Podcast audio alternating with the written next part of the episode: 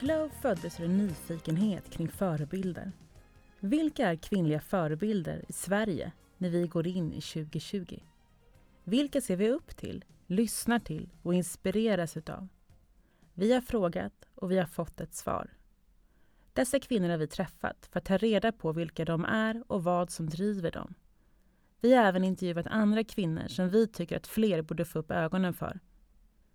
Det här är en intervjupodd med mig, Maria Högberg och kvinnliga förebilder i Sverige.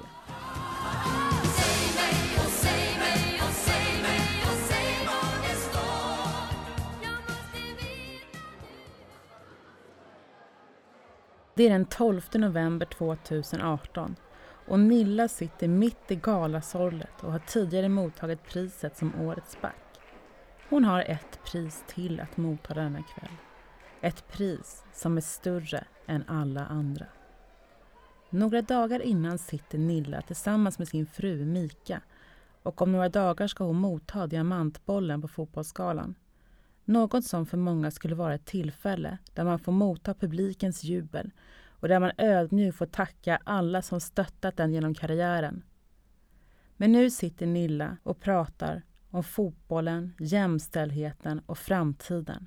Och någonstans där hämtar hon papper och penna och börjar skriva på något helt annat än ett tacktal. Kvällen går och Rickard Olsson som är kvällens konferencier tar nu återigen ton för att denna gång presentera Sydsvenska Dagbladets chefredaktör Pia Renqvist och Svenska fotbollsförbundets ordförande Karl-Erik Nilsson som är där för att dela ut pris för årets diamantboll. När Nillas namn läses upp och hon går fram mot scen mellan borden, applåderna och publikens jubel är hon nu bara en meter från mikrofonen som hon snart ska hålla ett tal som kommer gå till historien för alla tjejer som spelar fotboll idag, för alla kvinnor på elitnivå och för alla de som har stöttat damfotbollen. Och nu vill jag ta tillfället i akt och säga något till alla älskade flickor världen över. Jag vet hur det känns att bli hånad av killarna för fotbollens skull. För att du inte är tillräckligt bra, eller för att du helt enkelt är bättre än vad de är. Att någon säger till dig, varför spelar ni inte med mindre plan? Med ett mindre mål och en lättare boll? Jag vet hur det känns när klubben eller tränaren inte stöttar dig eller står bakom dig. Jag vet exakt hur det känns. Orättvisa gör ont. Om jag stod här idag som man med den karriär som jag har haft så skulle jag vara ekonomiskt, så skulle jag aldrig mer behöva oroa mig ekonomiskt igen. Och inte mina barn heller. Vi spelar för att vi älskar sporten. Vi spelar för livet. Därför vill jag säga till er tjejer, sluta aldrig att spela fotboll. Sluta aldrig att kämpa för jämställdhet. Och känn ingen tacksamhetsskuld, för vi är värda så mycket mer. Och alla...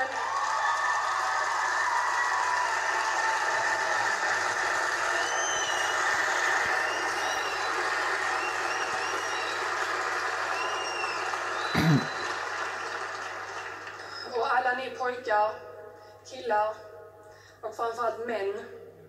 Det är dags att komma in i matchen nu. För jämställdhet, det är något som gynnar oss alla.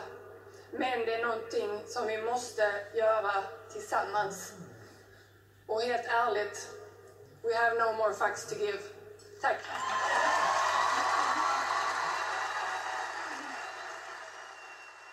Nilla Fischer växte upp i Verum, som är en by på cirka 450 personer och som ligger i Hässleholms kommun i Skåne län. Med sin mamma, pappa, syster och tvillingbror Niklas. Men vem var Nilla som liten? Vad drömde hon om? Och hur gjorde hon sina val? Men hej och välkommen hit! Tack så mycket. Och först så vill jag gratulera att du är en av de framröstade förebilderna 2020. Ja, tack. Eh, Det känns, eh, känns fantastiskt. Ja, Eh, Och eh, ehm, alltså det är ju bara härligt att, att folk ser mig som en förebild och jag ska försöka göra så gott jag kan för att eh, fortsätta liksom inspirera människor. Mm. Känns det som någon press nu när man har blivit framröstad? Att man ska vara en bättre människa eller agera på ett annat sätt? Nej, jag, faktiskt det tycker jag inte. Utan eh, det blir ändå, jag tror att, eh, jag får tänka att anledningen till att jag kommit eh, med på den här listan är att, eh, är att jag är den jag är. Så då får jag verkligen bara försöka att, ehm, att fortsätta vara det. Och sen vet jag att vi gör alla misstag. Så Mm. att, eh, ehm, jag är inte så, så stressad av att jag ska känna någon press. Nej men vad bra. Vi kommer komma in lite mer på förebilder sen. Eh, men jag är jättenyfiken på att veta mer om vem du var som barn. Och hur skulle du beskriva dig själv? Jag skulle väl eh, beskriva mig som, en, eh, som ett aktivt barn. Vi Mm. var, eh, där vi växte upp, det var ju, det var och är en liten by så att eh, det var mycket ut och, ut och spela fotboll eller ut och leka krig eller något sånt eh, med de kompisarna som fanns i, i ungefär samma ålder. Mm. Eh, det var ett bra, ett bra samhälle på det sättet för oss barn att det var många som var med kanske tre, fyra års mellanrum så att vi kunde liksom leka med grannar eller Mm. skolkamrater eller så. Bara gå över eh, och göra det. Så att eh, eh, jag tror vi alla, alla vi syskon var, var aktiva barn. Eh, våra föräldrar och släkt också varit väldigt idrottsintresserade så att eh, det var kanske därför mamma skickade ut oss på, på fotbollsplan när vi var fem för att vi skulle göra av med lite energi. Ehm, så, så att, men ehm, jag tycker jag hade en, en idyllisk barndom på det sättet att det var litet och mycket ute i naturen och, och så. Så att jag, jag trivdes att vara med, med folk och trivdes att, att leka med, med mina kompisar. Men du ju, har ju en tvillingbror också. Ja. Tävlade ni mycket eller hur såg er relation ut? Jo, det blev, det blev mycket, mycket tävling. Vi spelade också båda bordtennis. Och då blev det väl mer extremt på det sättet för då spelade vi mot varandra. Också med, i fotbollen så, så var det ändå liksom tillsammans när, vi, när det väl var, var match. Eh, men det blev ju... Mamma fick gå ner och bryta ganska många gånger när vi kivades i, i källaren över något spel som den ena hade förlorat eller något sånt eller den andra tyckte att jag tyckte han fuskade eller sådär. Så att, eh, det var, det var tävlingsinriktat redan, redan från början. Men hade ni pingisbord hemma? Ja, vi Ja. hade ett eh, nere i källaren. Mm. Så att, eh, vi, vi stod där och övade också. Så det var, eh, ja, det var väldigt, väldigt roligt att vara barn. Hur var det i skolan då? Gillar du skolan? Jag tyckte det var helt okej. Eh, det var bra lärare och sådär men det bästa var ju rasterna såklart att få, att få komma ut och så. Eh, och sitta still var väl kanske inte riktigt min, min grej eh, där. Så att, men, men helt okej, det är ju eh, vissa saker rola, roligare att lära sig än, än andra. Mm. Men tävlade du och brorsan i skolan också? Eller var det mer på rasterna? Och... Nej, vi tävlade aldrig, aldrig i skolan. Eh, vad jag kan minnas, så det, så det tror jag inte. Utan eh, där var det mer... Eh, vi var ganska jämna där också, så då handlade det mer om att stötta och pusha varandra. Att det, våra föräldrar varit väldigt bra på, och lärarna också, liksom lära oss att, att man gör det för sin egen skull. Att eh, det är verkligen ingen tävling. Så att, eh, och sen var det perfekt att ha någon att, att sitta och, och plugga med. Mm. Men om du tänker tillbaka, där, vad gjorde dig arg när du var barn? Ja, men de fuskade. Eh, det var nog mitt, mitt värsta, eller min uppfattning att de fuskade kanske inte alltid var fusk, men eh, just där i, i tävlingsmomentet så, så tyckte jag inte det var rättvist. Ehm, så det har alltid gjort mig, mig upprörd och även, även eh, orättvisa. Jag eh, ska även inte sitta och prata gott om mig själv, men, eh, men det var något också som vi blev, eh, lärde oss när vi växte upp, att liksom alla ska få vara med och när det gäller ja, gymnastik och man ska spela innebandy eller något sånt, då ska liksom Eh, då var vi ofta noga med att inte försöka, alltså det, jag tyckte det var fel att man skulle stå och välja lag. Eh, men då att inte alltid ta de som man kanske tyckte var bäst och att det alltid var de som så här, var sämst fick också bli valda sist. Utan eh, då blev det liksom ett block ihop-lag och ehm, det var egentligen, alltså det tycker jag egentligen är en hemsk grej att man ska stå, att det ska stå två elever och välja välja respektive lag. Mm. Eh, att det är inte så Men var det så när du gick att man, man fick peka, och valde ut två stycken, ni får välja lag och så fick ni mm. peka? Så var det Ja. oftast. Att det var två stycken eh, som fick välja då. Eh, och så fick man välja varannan. Mm. så att, eh, ehm, och det sker ju bara i idrotten. Ja men precis, för det, det um, tänker jag också att jag vet inte vad det var jag hörde, om det var ditt sommarprat eller om det var i någon intervju, men där du beskriver också att um, talang utvecklas ju kanske senare för vissa och att det är många som kanske sorterar sport också Mm, i ja tidig men det, ålder. det tror jag verkligen. Och, Ehm, I vissa fall, ehm, alltså i vissa fall är det, är det ren talang eller vad jag ska säga och i vissa fall kan det vara blyghet eller osäkerhet som gör kanske att personen i sig inte vågar, vågar ta för sig. Ehm, och jag tror verkligen att det är ju väldigt, alltså det är tidiga satsningar mot eliten. Och jag tror att, eh, jag tror att man, eh, att organisationer och klubbar missar, missar många som, som hade kunnat eh, bli väldigt bra. Mm. Var du väldigt bra på fotboll när du var liten? Eller var det någonting som kom senare? Nej, jag hade det ja, naturligt vet jag inte ska säga. Det var, eh, jag gillade att, att leka med bollen och eh, brorsan också och syrran också. Och vi eh, hade gjort det från, från liksom första början. Det var så vi, så vi roade oss. Eh, så att jag var, eh, var bra från, från början. Så på det sättet har jag haft det väldigt enkelt. Mm. För du sa ju också att du var ju väldigt tävlingsinriktad. Men jag tänker också när man ska välja lag, om du inte fick ett bra lag som du skulle spela med så spelade inte det någon, någon roll? Ja, jag var ju ändå att jag ville, alltså i, när väl laget var satt så handlade det ändå om att, om att vinna. Ja. Um, så att um, där um, hade jag väl lite att jobba med. Mm. Men, Men tog du någon ledarroll? Typ, ni två är där, ni spelar så, alltså, gjorde du någon taktik eller? Jag, när jag kanske blev lite äldre i början var det ju att alla sprang efter bollen. Mm. Eh, så var det bara, men då var det ju kanske bara att ja, men då får jag eh, kämpa lite mer. Mm.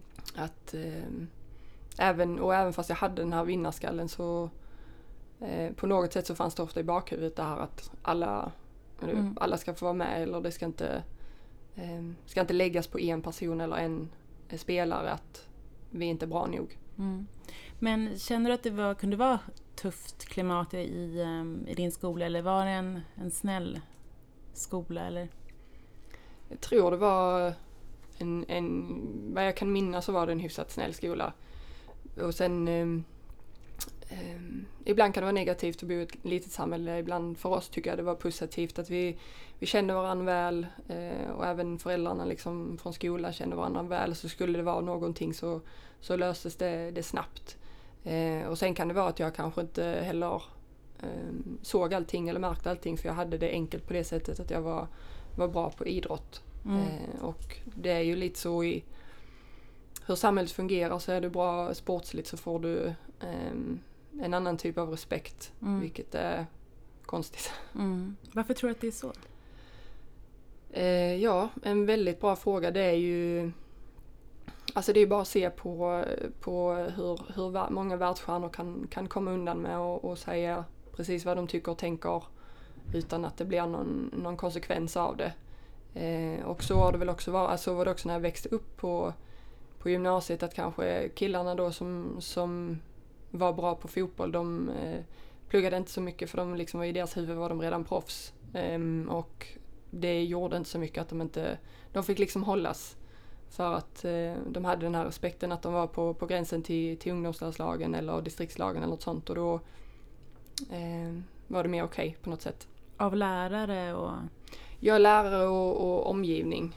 Eh, tror jag att det jag, nu vet jag inte om jag skulle kunna gissa att det är ännu mer idag för att det, det spelare åker iväg ännu tidigare och, och blir proffs eller eh, får något eh, eh få åka och testa på eh, i någon akademi så att eh, jag tror att det, alltså det är jätteviktigt med skolan och ha någonting, alltså jag menar i alla fall att, bli god, du kan lyckas ändå såklart men att liksom försöka bli godkänd och försöka eh, ha hyfsade, hyfsade betyg ändå så, så gott det går. Mm. Hur tänkte du själv då med skolan? Att du tyckte inte den var så rolig men tänkte att du skulle ha bra betyg eller? Jag tänkte att jag, jag visste klart att jag ville ha, jag ville ha bra betyg. Att eh, det, jag har alltid, det är en trigger i mig att om det är någonting som, som ska mätas eller liksom sättas betyg på så, så vill jag såklart göra så gott, eh, så gott jag kan och så bra jag kan. Och, eh, det var svårt att kombinera med fotbollen ibland men, men jag tycker ändå, jag hade kunnat göra bättre men jag är ändå helt okej nöjd med, med vad jag presterar i skolan. Hur gick det för de här killarna då? Kom de någon vart i fotbollen? Eh, ja, no några av dem kom, eh, kom utomlands eh, något år. Men, eh, men ingen lycka, inga lyckades sju år. Med det du lyckades med? Precis. så att, ehm, De, ja det är väl två eller tre tror jag som spelar i all- i Allsvenskan eller har spelat några år och så. så att, men eh, ehm, det är ju många som sållas ut så att jag, jag tänker att ha någon form av säkerhet och, och klara skolan eh, är viktigt. Mm.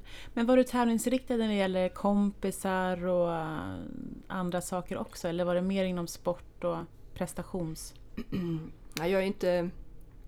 Alltså det, jag kan ju inte spela sällskapsspel precis. Ehm, när, jag var, när jag var yngre var det fruktansvärt. Vi, jag vet att vi skulle åka, tror vi skulle åka båt från, från Trelleborg till Tyskland. Ja, varför vet jag inte, men då spelade vi kortspel i början.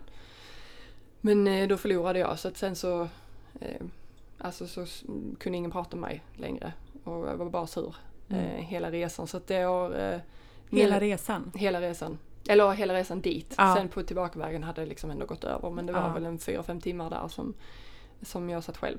Mm. Bara, så att, eh, Men, är det, men det är inte så heller att du hetsar om att göra, spela kort igen för att du ska göra revansch? Utan då är det liksom... jag är bara sur. Då är det bara sur. skit, jävla skitspel. Ja. Så att, eh, nej, nej, finns ingen mening med att spela, spela det här mer. Mm. Men om du tänker på dina kompisar när du växte upp då, var de lika tävlingsinriktade eller lät de dig vara det och så, eller hur såg det ut? Ja, många av dem jag, det var många av dem jag umgicks med som inte sportade så mycket. Eh, några av dem självklart men eh, ehm, så att de Alltså de tyckte ju att jag var skittråkig och var så sur men det var också samtidigt så Det var sån jag var. Eh, jag kunde tyvärr inte ändra på mig där. Så att de lät mig ofta, ofta hållas med det. Eh, så att, eh, och sen till slut så blev det att antingen, eller nu också i vuxen ålder så spelar jag inte särskilt mycket sällskapsspel. Och skulle jag väl spela då får jag verkligen gå in med liksom inställning om att det här är, det är skitsamma. Alltså det här betyder ingenting och typ nästan led- ladda mentalt för, Ja. för det. För att, eh, och det värsta jag vet är ju när någon sitter och liksom eh, hetsar en eller kör med trash talk så att säga. Det är ju, då är jag, nej då blir jag så förbannad. Mm. Blir det det i fotbollen också, när du spelar på plan? Ja om någon håller på med något skit så eh, blir jag mycket mer, mer förbannad än vad jag är eh, annars. Jag tänker jag ser väl inte så kanske så trevlig ut oavsett på, på fotbollsplan eh, har jag hört. Så att ehm, Men är det mycket sånt, så här viskningar i, ö, i örat eller i, när man går förbi eller någonting sånt? Nej, det har vi inte. Alltså vi har inte det mycket i, eller jag har inte upplevt det i alla fall eh, hos oss. Men eh, alltså det är mer om det är någon som kanske slänger sig lite enkelt eller trillar lite enkelt och tycker att det eh, skriker på domaren och sånt. Och, ehm, det är ju inte, det är inte fusk på det sättet men jag tycker inte det är liksom play by, play by the rules. Så att då eh, gör de mig lite mer eh, frustrerad. Mm. Och sen då, från Verum, hur såg din uppväxt ut där efter det? Eller Ehm. gick du högstadie och gymnasium och så där också?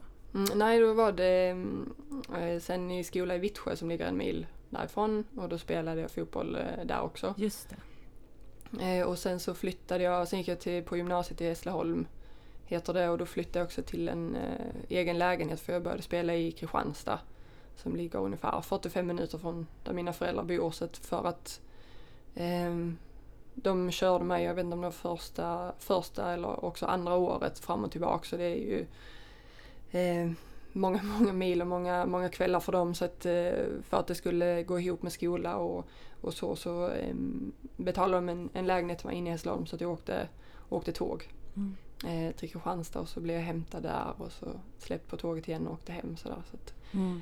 många, många pasta bolognese som, som stod Mm. det var typ det jag kunde laga. Så att, eh, Mm. Men det var, det var bra tider det med. Mm. Men vad tyckte din tvillingbror då, när det började gå så bra för dig inom fotbollen? Ja, men på det sättet, så- jag vet inte om det är enklare för att eh, jag är tjej och han är kille men han har verkligen alltid bara stöttat mig eh, i det och eh, han var också bra eh, på fotboll men, men kom ju inte liksom hela vägen. Men eh, det är jag faktiskt, eller inte faktiskt, men jag är väldigt tacksam för att han alltid varit och hela familjen alltid varit extremt stöttande i, i, i min framgång. Eller när jag har liksom tagit mig framåt och, och sådär. Så att han, eh, han är verkligen eh, en av mina, ett av mina största fan. Det Nilla Fischer är mest känd som är såklart som fotbollsspelare. Och från fotboll med tvillingbrorsan Niklas på gräsmattan i Verum till VM-brons 2011, EM-brons 2013, OS-silver 2016. Hon har blivit Bundesligamästare och Champions League-mästare flera gånger.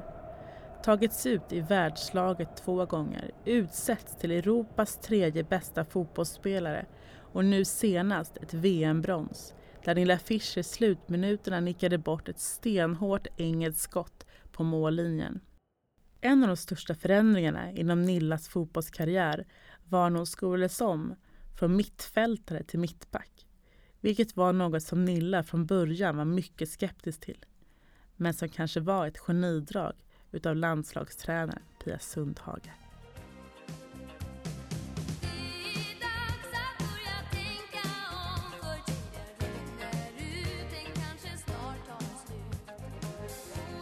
Men när visste du att fotbollen var rätt karriär? Var det från barnsben eller var det... Växte det fram?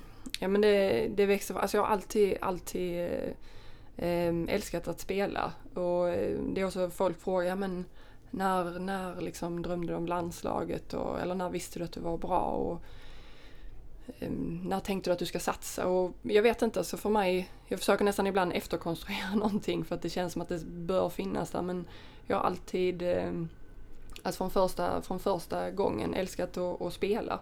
Eh, och haft eh, alltså turen att eh, varit bra på det. Att stöttande föräldrar och eh, syskon och omgivning på det sättet när jag var liten. Eh, och eh, sen kom framgången. Men jag, alltså när jag verkligen förstod att typ, ja, men det, här kan, det här kan gå riktigt bra. Eh, det var väl när, egentligen när eh, Marika Demanska Lyfors som var förbundskapten då eh, ringde eh, och ville ha med mig på ett landslagsläger när jag var 15. Hur kändes det när hon ringde? Ja, men jag kommer, det, för det kommer jag verkligen ihåg att eh, då hade man ju en sån här också som man snurrar numren på och sånt. Mm. Så jag satt ju med den, mamma hade svarat och sagt att det var Marika. Och jag bara, vem Marika liksom? Och hon bara, Marika Dumanska Lyfors. Så jag bara, okej, okay, jag kommer direkt. Mm. Och då vet jag att jag satt där och typ helt skakig på handen och eh, Marika med sin speciella eh, röst sa det att, ja men om, jag undrar om du vill följa med eh, på landslagsläger nu till eh, La Manga var det och ja, du är med och får se och, och lära så att, men, men jag tycker det är intressant och liksom, ja men vill du följa med? Och liksom vad svarar man? Klart man svarar ja på det. Men hade du som tänkt att det här samtalet skulle kunna komma eller blev det mer som en chock när det väl kom? Ja, det blev som en chock. Jag tänkte inte att... Eh, det, då hade jag så självklart börjat drömma om landslaget och, och, hade det som delvis som ett mål men det var inte så att jag trodde hon skulle ringa när jag var, eh, ja om det nu var 15 eller 16. Eh, men hur fick hon reda på dig? Då spelade jag i Allsvenskan. I, jag spelade mitt första år i Kristianstad. Så då hade hon sett, eh, sett mig spela eh, och tyckte jag var, var intressant. Så att, eh, fick jag komma med för, för att se och lära och det det var verkligen för att se och lära för det var en helt annan nivå. Så det var ju extremt alltså, häftigt att bara, bara liksom sitta på flyget ner eh, med Therese Sjögran som var liksom en av mina stora idoler. Eh, och sen träffa de här eh, Vickan och Hanna Ljungberg, Malin Moström och Caroline Jönsson och liksom det gamla gardet är ju de nu men det var ju, jag vågar inte säga ett pip. Princip, men hur var det på vägen dit? Har du packat din väska och du skulle åka till Arlanda? Ja, jag tror Eller? vi flög från Kristianstad, flög vi nog från Kristianstad då ja. tror jag faktiskt. Men då skulle du eh. träffa eh. hela landslaget där? Mm. Hur, liksom, hur var det mötet? Ja, det var alltså skräckblandad förtjusning kan jag säga att det var um, man blir, eller jag blir i alla fall om jag träffar någon jag ser upp till eller eh, som jag har lite som förebild eller idol så blir jag väldigt tillbakadragen. Eh, och eh, alltså jag menar nu är jag så pass gammal så jag kan hantera mm. det men, men då var det ju mest att bara, det kändes som att ögonen poppade ur huvudet och eh, att bara hälsa på alla, att de kom fram och liksom hälsade på mig och jag kunde knappt, när de bara ja men hur är det och sånt, jag bara ja bra. Mm. Så att, det var eh, ehm, Ja det var, det var, det var ett stort, stort moment mm. i livet. Men tänker du på det nu när det kommer nya till eh, landslaget? nu när du spelar? Jag tänker på det men jag har stor eh, utvecklingspotential där. Vad skulle att, du vilja eh, utveckla då? Nej men bara att prata mer, mer med dem. Eh, att ibland så, eller helt ärligt så ganska ofta så tar jag min lite safety zone och är med, med dem jag känner, liksom de i min ålder och så får de yngre ta ta Och titta på dig från Precis. distans. Han kanske kan få hälsa på sin... ja. Man ska inte Så. närma sig stjärnan för fort. Nej, nej, nej. Håll avstånd. Mm. Nej, så att, eh, alltså där måste alltså, för att jag vet också själv när man kommer ny hur mycket det gör om man, om någon som har varit med längre eller någon som eh, övertygat eh, liksom är där, att man kommer fram och kollar läget och frågar om allt är bra och ja, småsnackar lite om vädret eller Mm, något sånt. mm. Men vad betyder de i laget för prestationen? Extremt mycket. Um, alltså det, det oavsett hur, hur kul det är att spela fotboll så mår du inte bra i din omgivning i, i laget så, så blir det inte roligt. Att då blir det väldigt svårt att, att prestera och sen är det såklart att för att nå framgång och, och vinna titlar och så, så behöver du också extremt bra eh, fotbollsspelare. Så att, men, men framförallt också att det är bra karaktärer och människor. Att det, det spelar mycket större roll än, än vad folk tror. Ehm, antar jag att, ehm, jag tänker mig att man kanske tror eh, utanför att ja, men det räcker att köpa in bästa laget och så vinner man. Eh, men funkar inte kemin eller funkar inte karaktärerna tillsammans så, så är det svårt att nå de där absoluta toppresultaten. Jag kan tänka mig att det också kan vara det som gör att man är lite avvaktande i början, att det kommer en ny person och nu kommer ju gruppkonstellationen på någonstans förändras i och med att det kommer in en ny person. Eh, Är det någonting sånt eller är det mer att du känner dig bekväm med, med de som är? Ja, nej det är nog mer bekvämlighet tyvärr. Jag önskar jag kunde säga, säga det som du sa eller att jag kunde hålla med om att det är därför men, men eh, tyvärr så är det nog mer bekvämlighet eh, och kanske lite lathet där. Mm. Men märker du också om det är någon som kommer in i landslaget som ser upp till dig? Eller lägger du inte märke till dem alls? Jag bara, vem är du? När kom du?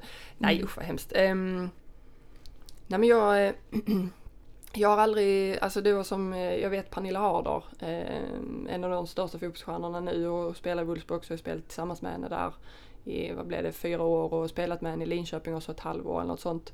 Eh, och ehm, hon, jag vet att hon kom dit och eh, då gick vi och hälsade och jag sa bara hej Nilla, hur trevligt. Och sen gick jag därifrån.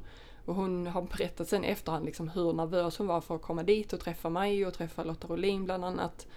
Och eh, det var ju inte så att jag verkade jättetrevlig liksom första, första tiden har hon sen berättat i efterhand. Så att jag har ju förstått att alltså, jag- måste liksom sätta mig i oss själv i, eller tänka efter hur det var för mig när jag kom upp.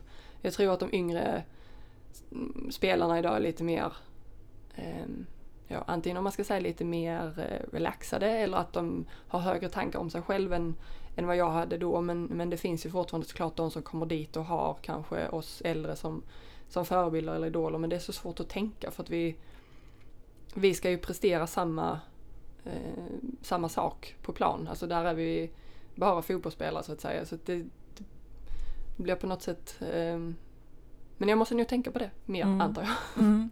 Men kan, är det så att det finns andra i laget som är mycket bättre på det här också? Som har den rollen att välkomna nya? Ja absolut. Eh, alltså där finns många, alltså Caroline Seger är en av dem, Olivia Skog är en av dem, Hedvig.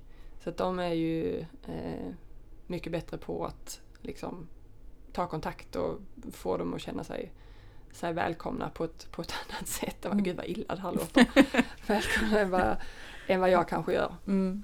Men om du tänker tillbaka då på hela din fotbollskarriär som är otroligt imponerande. Vad, har du något så här favoritögonblick?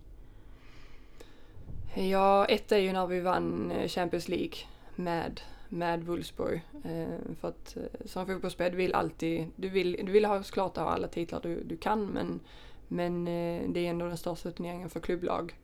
Eh, så att den eh, känns, känns oerhört bra att ha liksom i, i samlingen. Eh, och sedan även första året ehm, med Wolfsburg, då vann vi ligan också. Då var det avgörande match på på hemmaplan. Eh, vi avgjorde i 89 minuten. Det var 12,5 på läktaren och 35 grader typ och det bara var en explosion av, av glädje efter det. Så att eh, de två med klubblagen skulle jag säga och sen eh, såklart, jag menar eh, det är alltid nästan det som ligger närmst i tiden som man, som man kommer ihåg starkast men såklart självklart nu med eh, VM-bronset i sommar. Eh, men även i OS var en en fantastisk eh, upplevelse. För vi startade så dåligt och sen lyckas vi vända det och, och ta oss hela vägen till, till final. Så att, eh. Kan du känna innan du går in i en match att det här kommer bli en bra match? Eller är det någonting som utvecklas under matchens gång? Nej, det är mer något som, eh, som kommer under, under matchens gång. Alltså det är samma, ibland kan vi vara skitbra på uppvärmningen, men bara nu, nu kommer vi ju liksom vara jättebra matchen igenom, men då så är vi asdåliga. Eller tvärtom, att man bara, vi är typ knappt vakna på uppvärmningen och ändå presterar vi jättebra sen. Så tyvärr så, ibland så har jag den känslan men den stämmer nästan aldrig överens eh, med verkligheten. Så att eh, det brukar ge sig efter, efter ett tag och se om vi, om vi är på väg att göra en bra prestation eller, eller inte. Vad är det som du tror påverkar då? När ni väl har kommit in och ni har börjat spela? Ja, det är mycket, jag tror det handlar mycket, är en mental aspekt eh, såklart hur matchen startar. Om man får några bra, eller jag som back om jag får göra några bra brytningar eller uppspel och att vi kanske har någon, någon bra kombination längre fram eller så. Eller om vi känner att vi, vi är tillbaka tryckta första, första tio. Då blir det att motståndaren har ett större mentalt övertag. Men annars är det små, små grejer som att det kanske, vi kanske har tränat för hårt innan matchen eller för lätt innan matchen eller sådana saker också. Men, men eh, det är ju alltid frågan efter, efter en match varför det har gått sig eller så. Det finns liksom ingen riktig, riktig förklaring där och då. Men, men eh, ehm, det är väl det som också är det alltså, roliga med fotbollen. Att, att också motivation slår klass eh, ganska många gånger. Så att, eh, om jag kommer på det, varför man presterar bra eller dåligt någon gång så ska jag definitivt ta patent. det är fest och Nilla sitter i soffan och pratar med en kvinna med namn Mika. Ett samtal som pågår tills kvällen är slut. Vad är det med det där samtalet och vad är det som egentligen som händer? Helt plötsligt växte känslor inom Nilla som hon inte visste fanns. Känslor som sakta började bubbla upp inom henne. Känslor som var främmande men ändå så härliga. Den självsäkra och målmedvetna Nilla, som hon var inom fotbollen, var nu motsatsen till det hon skulle beskriva sig själv som nu. Hon var dock säker på en sak. Henne måste hon bara få träffa igen. De bestämde att de skulle träffas och på vägen till Linköping där Mika bodde började nervositeten komma och Nilla tar fram sin mobil och skickar iväg ett sms. Det här går inte. Mika mottar smset och svarar Jag vet att du har med dig en flaska vin. Öppna den och ta ett glas. Det kommer kännas bättre. Vi gjorde det, men när tåget anlände till Linköpings station vågade inte Nilla gå det tio minuters promenad som ledde till Mikas lägenhet i rädsla för att träffa någon hon kände. Hon satte sig i taxin och när hon anlände till lägenheten och Mika öppnade dörren visste Nilla att hon hade gjort rätt. Så det som känns främmande och läskigt kan bli det mest naturliga i hela världen. Det var också med Mika som hon fick idén om talet på Fotbollsgalan 2018. Något som också är främmande och kanske läskigt för många men som kan bli det mest naturliga i hela världen.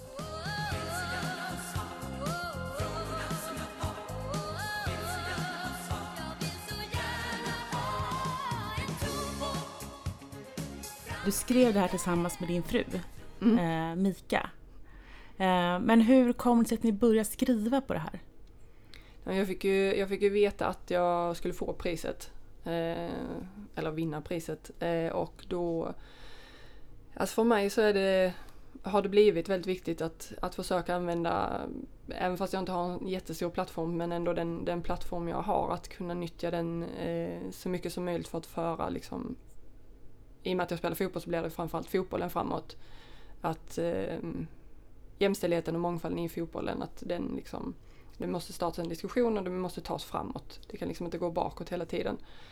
Eh, och eh, det är ju en extrem, extrem stor plattform att, att använda eh, när du vinner diamantbollen. Eh, och därför kände jag också att ja men då vill jag säga det här för det, det är väldigt viktigt för mig. Jag tycker att det, eh, alltså det går för långsamt.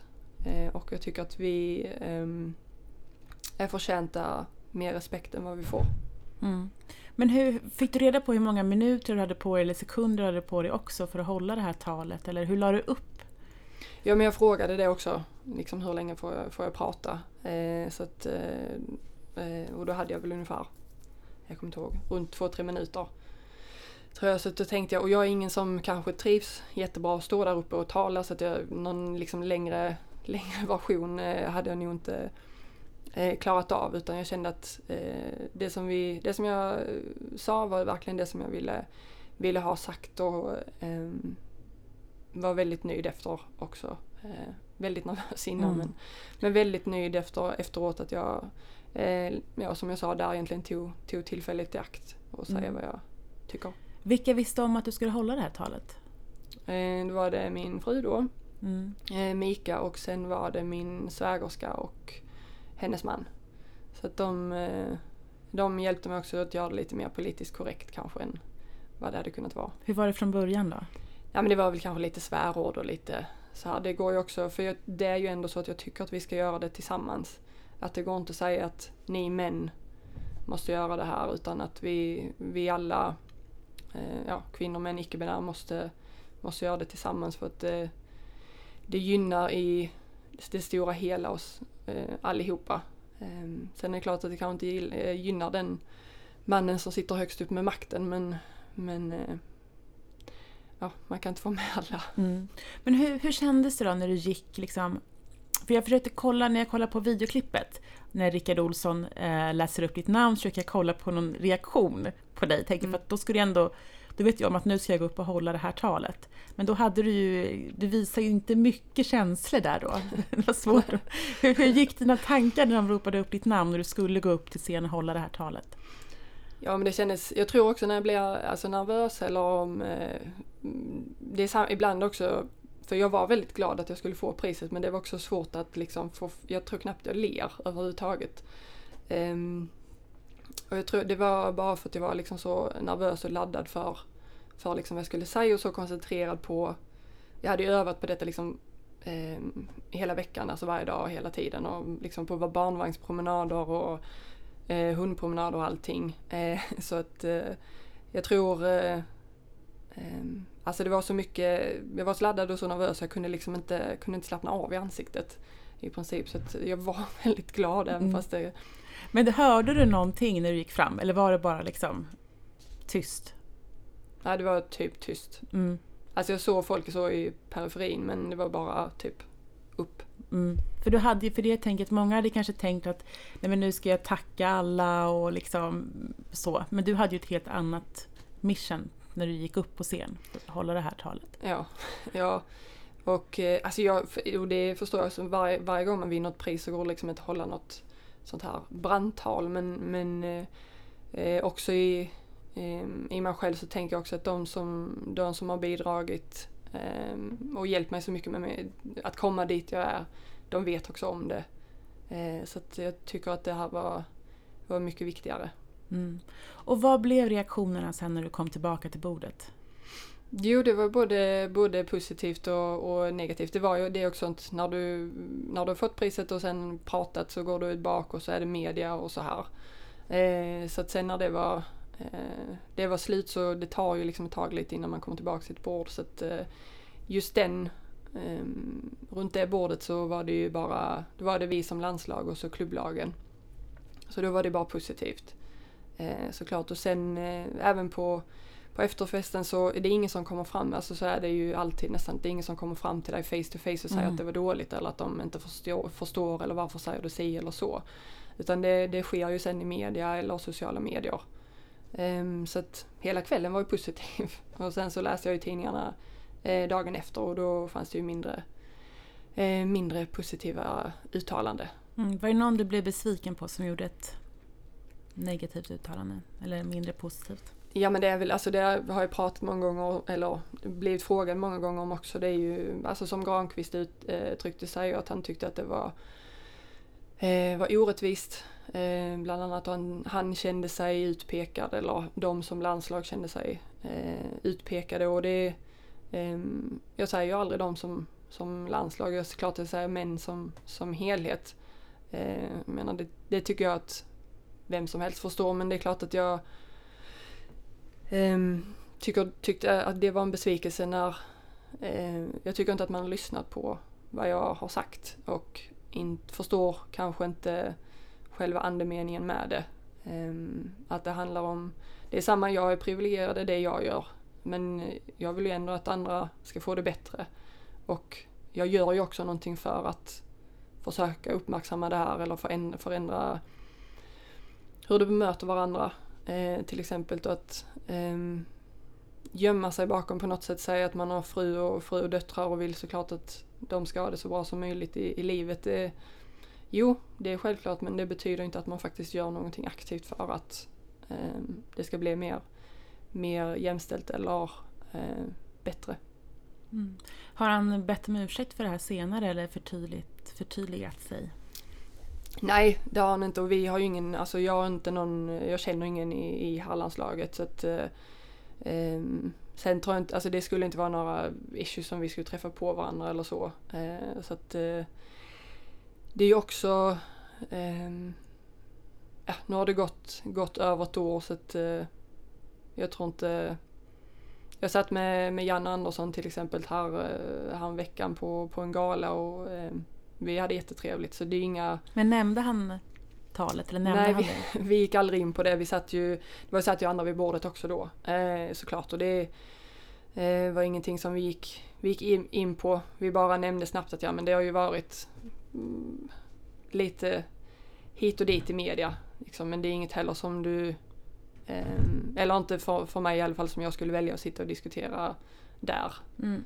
Eh, så att, och sen tror, alltså jag menar de är, det är, de är bra människor på det sättet och jag tror ju inte att de, de vill ju inte att vi inte ska få det bättre. Men just eh, reaktionerna på, eh, på vad jag sa eh, känns ju såklart som en, en besvikelse från min sida. Mm. För det är också det som jag kan tänka att det är ju tystnaden är ju, om man inte säger något kan ju vara lika illa också. Ja, alltså att vara tyst är ju lite som ett medhållande. Eh, eller medgivande och det är väl, eh, Megan Rapinoe sa det väldigt bra på när hon vann ett, vann ett pris att det är ju först när du har kommit så pass långt att de som inte blir utsatta för rasismen det är de som blir mest upprörda eller blir upprörda överhuvudtaget eller de som inte blir utsatta för sexismen det är de som reagerar och, och tar ställning. Eh, och det är ju likadant med, eh, med jämställdhet egentligen att när du väl kommer så att det kanske inte är vi kvinnor som, för, som står liksom främst i leden, då har det också verkligen kommit någonstans. Eh, och jag håller till, verkligen till fullo, fullo med, eh, med henne och ehm, det är ju någonstans som vi, som vi liksom har en, en väg att vandra. Mm. Vad skulle du vilja om du fick förändra någonting idag kring fotbollen? Vad, vad är, det som är det som är det viktigaste att förändra? Ja men jag tror det är väldigt, alltså för att det ska i framtiden blir bättre eh, och att det ska liksom hålla, att det inte ska bli en PR-kampanj eller det är liksom politiskt korrekt att ha ett armlag nu så, så för mig känns det extremt viktigt att få in det i strukturen. Att på, på strukturell nivå att eh, eh du arbetar på samma sätt med, med damer respektive här, flickor och pojkar.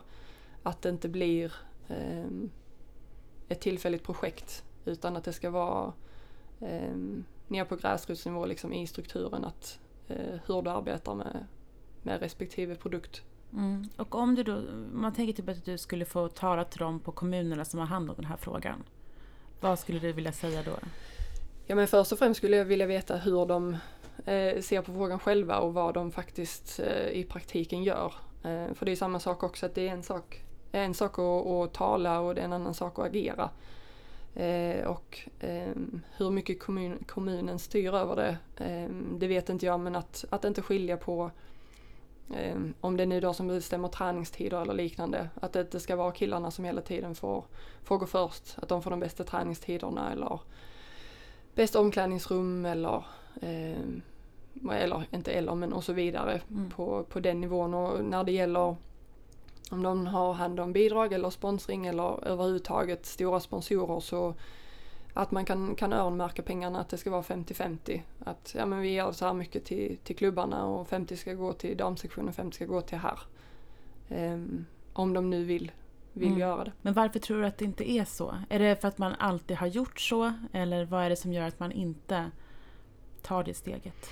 Jag tror en eh, del stämmer säkert med att det har alltid varit så eh, och det har alltid funkat. Varför ska vi ändra någonting? Och eh, en annan är väl att det, vi lever fortfarande i ett mansdominerat samhälle och mannen är norm och får därför förtur. och att man kanske rent, alltså praktiskt inte väljer att investera i, i tjejer eller damer för du ser inte vinsten i det. Alltså det Synligheten kan, är ju jätteviktig. Ja, och det, är ju, det kan man ju bara se, nu ska jag inte göra reklam för Coca-Cola men när de gjorde sin kampanj nu inför, inför VM förra året då gjorde de exakt samma för oss som för, som för herrarna och vi var på eh, Coca-Cola-flaskor och så vidare. Och eh, det blir ju en helt annan eh, synlighet och igenkänning och det är ju bara att titta på också hur vi har mark eller hur de som sköter vår marketing, hur de har marknadsfört oss eh, och hur många tittare vi faktiskt hade i, i somras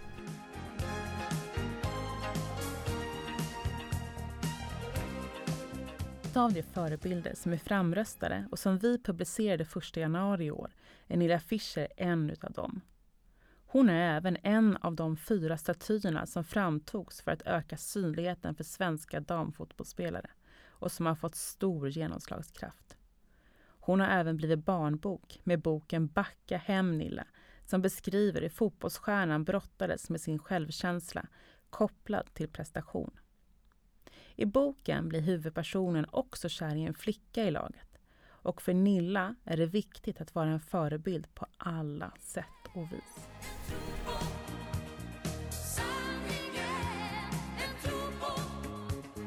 Vilka förebilder hade du som barn? Um, ja, då var det ju bara fotbollsförebilder. Mm, och vilka var det då? Ja, då var det ja, bland annat Therese Sjögran. Det känns som mm. jag pratat om henne i alla intervjuer vi har mm. gjort. Men, um, Eh, hon och vad var, ju, var, det med henne? Ja, men hon spelade ju först och främst också i grannklubb, alltså, eller när jag spelade i Vittsjö spelade hon i Kristianstad. Eh, och Kristianstad låg ju i Allsvenskan och Vittsjö i division 2 så vi möttes ofta på kupper när det var inomhuskupper. Eh, så jag tyckte ju först och främst var hon liksom skitbra som fotbollsspelare och, och teknisk och eh, alltså elegant eller vad man ska säga. Eh, och sen tyckte jag att hon eh, verkade cool. Eh, jag vet inte riktigt varför jag tyckte att hon verkade kul men så var det då i alla fall och um, då var det liksom ändå någon som jag jag kunde inte se henne på TV precis någon gång med landslaget men, men annars var det liksom ändå att jag fick se henne spela live och, eh, och sådär. Och sen eh, kom jag ju också till Kristianstad mm. eh, och fick spela med henne där. Hur var det när du fick reda på att du skulle spela i samma lag som henne då? Ja, det var ju skithäftigt. Eh, det var ju ehm, såklart en stor, stor eh, motivation och sånt och sen vet jag ju om det var någon gång vi skulle göra någonting två och två och jag hamnade med henne så var jag ju livrädd för att göra fel. Men, eh, men det var... Men skulle du styla lite då också? Nej, nej, jag, nej. jag är ingen, ingen jag, jag kan inte det. Typ. Nej. Så att, um, jag har alltid sagt så jag har funktionell teknik liksom, det är min, det är min livlina uh, på det sättet. Så det var mer att jag försökte bara liksom, uh, göra vad jag skulle göra liksom, till 100% rätt. Men eh. förändrades din bild någonting av henne eh, innan du hade lärt känna henne och efter? Ja men att hon, eh, ja jag hade egentligen, jag hade bara uppfattningen om att hon var liksom lite så cool och då, vilket jag fortfarande tycker hon är, men att liksom att det finns en såklart en genuin varm människa liksom. Sen var det väl fortfarande eh, alltså ganska länge som jag ändå var så ung så det var, sen spelade vi i Malmö tillsammans så många, många år Eh, och eh, blev ju där vänner och så spelade vi i landslaget också. Så att, sen har det ju blivit min, hon är ju min vän. Eh, så det är klart att den eh, uppfattningen jag hade om henne då blir ju mycket bättre sen. Alltså för då lärde jag känna, lärde jag känna henne som, som person också. Mm. Jag kan tänka mig att det kan vara tvärtom också. Att man eh, kanske har en, en mer idolbild av den och sen så kanske den inte lever upp till det när man väl lär känna den. Ja för så var det inte. Ja, jo, jag tänker att det inte var så med henne men det Nej, kan ju det vara kan ju så vara också så, att, man inte, att de inte lever upp till de förväntningarna som man faktiskt har. Mm, det är ju därför jag inte pratar med, människor. då är det lika bra att vara tyst. Vad sa Therese Sjögran om ditt tal då? Eh, no, hon är inte alltid så, ibland är hon får det men hon tyckte att det var, det var eh, liksom bra och, och modigt, modigt gjort. Så att eh, ja, det var ungefär det vi, det vi, eller jag tackade så mycket såklart. Men sen så var det liksom bara vidare till, till nästa grej och eh, sådär. Så att, men, eh, men eh, hon tyckte jag gjorde bra ifrån mig. Mm. Men och vad, vad, tror du att förebilder har för roll i vårt samhälle idag? Ja men... Eh, oh, vad svår fråga. Alltså jag tänker väl att man, man eh, på något sätt om du har en förebild att, att eh, det blir ju någon slags också kanske ett, ett mål för den, den personen att, att nå dit eller jag vill göra samma sak eller bara att se att det är möjligt att kanske då i mitt fall bli fotbollsproffs. Att de kan säga, men jag kan också, det går att spela utomlands, det går att vinna titlar och ändå bara spela fotboll och, och nå framgång där. Um, tror jag att det, det är väl det som kanske alltså förebilder har för som syfte tänker jag att få andra människor att drömma om att och även klara av att komma dit, dit som den personen är. För du spelar i Linköping en, två, ett år till eller hur? Mm, ja, två år till. Ja. Och vad gör du sen? Ja, har du något förslag? Ja, men du har Så. ju eh, eh, influencer. Ja. Du ska börja med Youtube. Mm, ja, just det. så att, eh, nej men vi får se. Ja men hundpensionat har vi ju sett och ja. du ska inte bli tränare eller coach har jag nej, förstått. Nej, det ska jag inte nej. bli. Ja, men eh, sen kom jag fram till det för att en, en, alltså en stor del i att inte bli coach eller liksom tränare direkt efter karriären är i alla fall att men då lever jag precis samma liv igen. Då kan jag lika gärna spela. Okej, okay, jag kanske inte kan spela för jag, kan inte, jag är kanske för dålig. Eller liksom ska jag ta ett något sånt. Mm. Men just det här att då gå från spelare till att vara tränare och ha precis samma. Du är borta helger, det är kvällar, det är resa och det är ju på något sätt det som jag, alltså jag förstår och jag vet att jag kommer sakna allting med fotboll extremt mycket. Eh, och jag tror att det kommer bli sån tumhet. Men att ändå liksom kunna ha helgerna lediga. Att kunna äta vad jag vill när jag vill. Jag måste inte äta för att jag ska prestera. Den biten och liksom ha ett helt annat eh, socialt liv eh, längtar jag till. Och då bli tränare, då är det ju samma, samma mm. sak igen. Och sen en annan del är ju att jag vet också vad vi spelare tycker om tränare. Och det är ju ofta ett, kanske här, ganska många procent som inte tycker om sin tränare. Eh, så det var också en del i det. Men sen kom jag på också att ja, men, det är kanske samma, på, inte för att jag kommer gå in och bli chef någonstans men, men det är ju antagligen samma sak på en vanlig arbetsplats också. Att det är många som inte tycker om sin chef. Um, så det kommer jag i alla fall vänta med några år innan jag blir coach, mm. om jag överhuvudtaget blir det. Men, men såklart hundpensionat hade varit eh, alltså jättekul att ha. Eh, sen har jag nog en lite för romantiserad bild i huvudet av hur det är att ha hundpensionat. Jag tänker liksom här varma sommardagar eller någon vår eftermiddag man är ute och strosar och flera timmar om dagen med hundarna. Men det är även liksom höst och vinter och sånt som man måste gå med dem. Men skulle du klara av en lugn tillvaro då?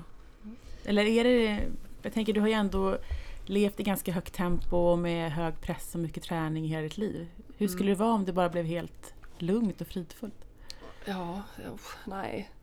Det, alltså det är som nu så träffade min svägerska i helgen och hon sa, ja men har ni vila nu då? Så sa jag, vi har, ja, vi har inte, jag har inte tränat på en hel vecka. Och hon bara, ingenting.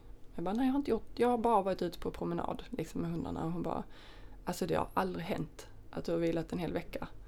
Och jag bara, jo då. Hon bara, nej alltså faktiskt det har aldrig hänt liksom. Och jag känner ju redan, vi har egentligen vila denna veckan också men det Alltså jag mår inte bra av att, av att inte träna. Nej. Att inte göra liksom fysiskt eh, arbete så att eh, Något sånt måste jag ju antagligen jobba med i, i, efter den här karriären. Men vi får se, jag har startat ett bolag nu så att jag är ute och, och föreläser lite och mm. träffar olika, olika företag. Eh, pratar om teambuilding och, och genus och jämställdhet. Så att eh, förhoppningsvis kan jag fortsätta med den, den biten också. Eh, ännu mer efter, efter karriären. Det Men, tycker jag. Ja. Där Men det har är många, en viktig roll. Ja, tack. Så vi får se. Och så, alltså, självklart skulle på något sätt eh, jättegärna jobba med, med hbtqi-frågor, och jämställdhet och genus in, inom idrotten också såklart efter karriären. Men får nog ta en liten uh, utbildning på det också. Mm. Mm. Men tack så jättemycket och stort grattis igen för eh, Stort grattis igen för att du kom hit. tack! Vi får ta det igen. Eh, tack så jättemycket och stort grattis till din utmärkelse som en av de 50 förebilder som är framröstade av svenska folket. Tack så mycket, det betyder jättemycket. Det var allt från intervjun med Nilla Fischer och tack för att ni har lyssnat.